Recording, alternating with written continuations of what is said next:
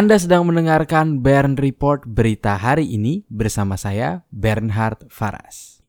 Berita ekonomi dan bisnis. Berita pertama, inflasi Januari tinggi di pedesaan.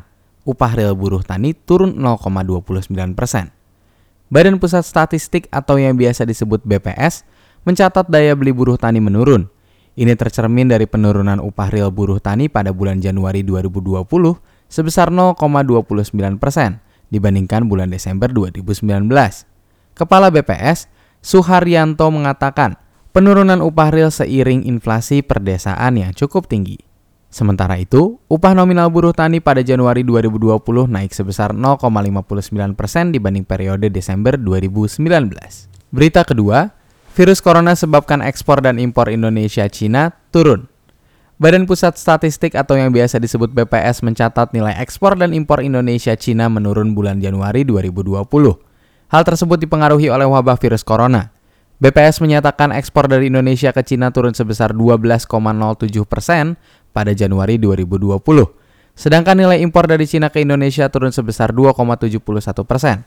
Kepala BPS, Suharyanto menyebut dampak virus corona terhadap kegiatan ekspor impor mulai terlihat setelah perayaan Imlek. Berita ketiga, Bulog lepas 600 ribu ton beras sebelum lebaran. Bulog akan menjaga pasokan di gudangnya dengan penyaluran beras agar dapat menyerap beras hasil panen raya pada periode Maret-April mendatang. Bulog menargetkan 600 ribu ton beras akan tersalur sebelum perayaan Idul Fitri di bulan April. Direktur Utama Bulog, Budi Waseso mengatakan penyaluran beras tersebut meliputi penyaluran operasi pasar, bantuan pangan non-tunai, beras komersil, bahan baku industri, dan ekspor beras. Berita keempat, neraca dagang Januari defisit 864 juta US dollar.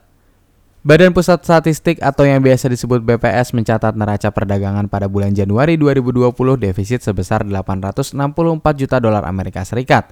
Angka tersebut membaik dibandingkan periode yang sama di tahun 2019 sebesar 1,16 miliar dolar Amerika Serikat. BPS menjelaskan, Angka impor pada Januari 2020 mencapai 14,28 miliar dolar Amerika Serikat, sedangkan nilai ekspor mencapai 13,41 miliar dolar Amerika Serikat.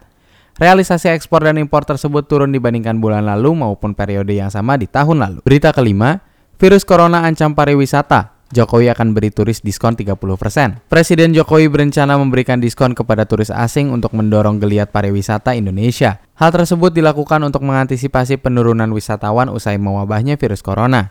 Menurut Jokowi, pemerintah akan memberikan diskon bagi wisatawan mancanegara dan domestik sebesar 30% dari tarif real. Meski demikian, belum ada penjelasan lebih lanjut dari Presiden mengenai diskon apa yang dimaksud.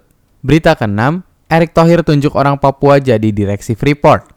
Menteri BUMN Erick Thohir merombak jajaran direksi dan komisaris PT Freeport Indonesia. Putra daerah Papua yakni Klaus Wamafma ditunjuk sebagai direktur. Klaus sebelumnya menjabat sebagai SVP CSR Partnership Fund and Community Development Freeport Indonesia. Ia telah meniti karir di perusahaan itu selama 20 tahun. Klaus menempuh pendidikan di Institut Teknologi Bandung jurusan Teknik Industri. Ia ditunjuk karena memiliki kapasitas dari sisi teknikal dan kematangan karir di Freeport Indonesia. Untuk teks dan sumber berita selengkapnya dapat Anda lihat di website www.bernhardfaras.com. Terima kasih sudah mendengarkan Bern Report berita hari ini. Jangan lupa untuk membagikan kanal ini kepada kerabat Anda, tekan tombol like dan subscribe untuk mendapatkan kabar terkini setiap pagi dari hari Senin hingga hari Jumat pada pukul 6.30 waktu Indonesia Barat. Saya Bernhard Faras pamit undur diri, semangat selalu dalam menjalani hari ini.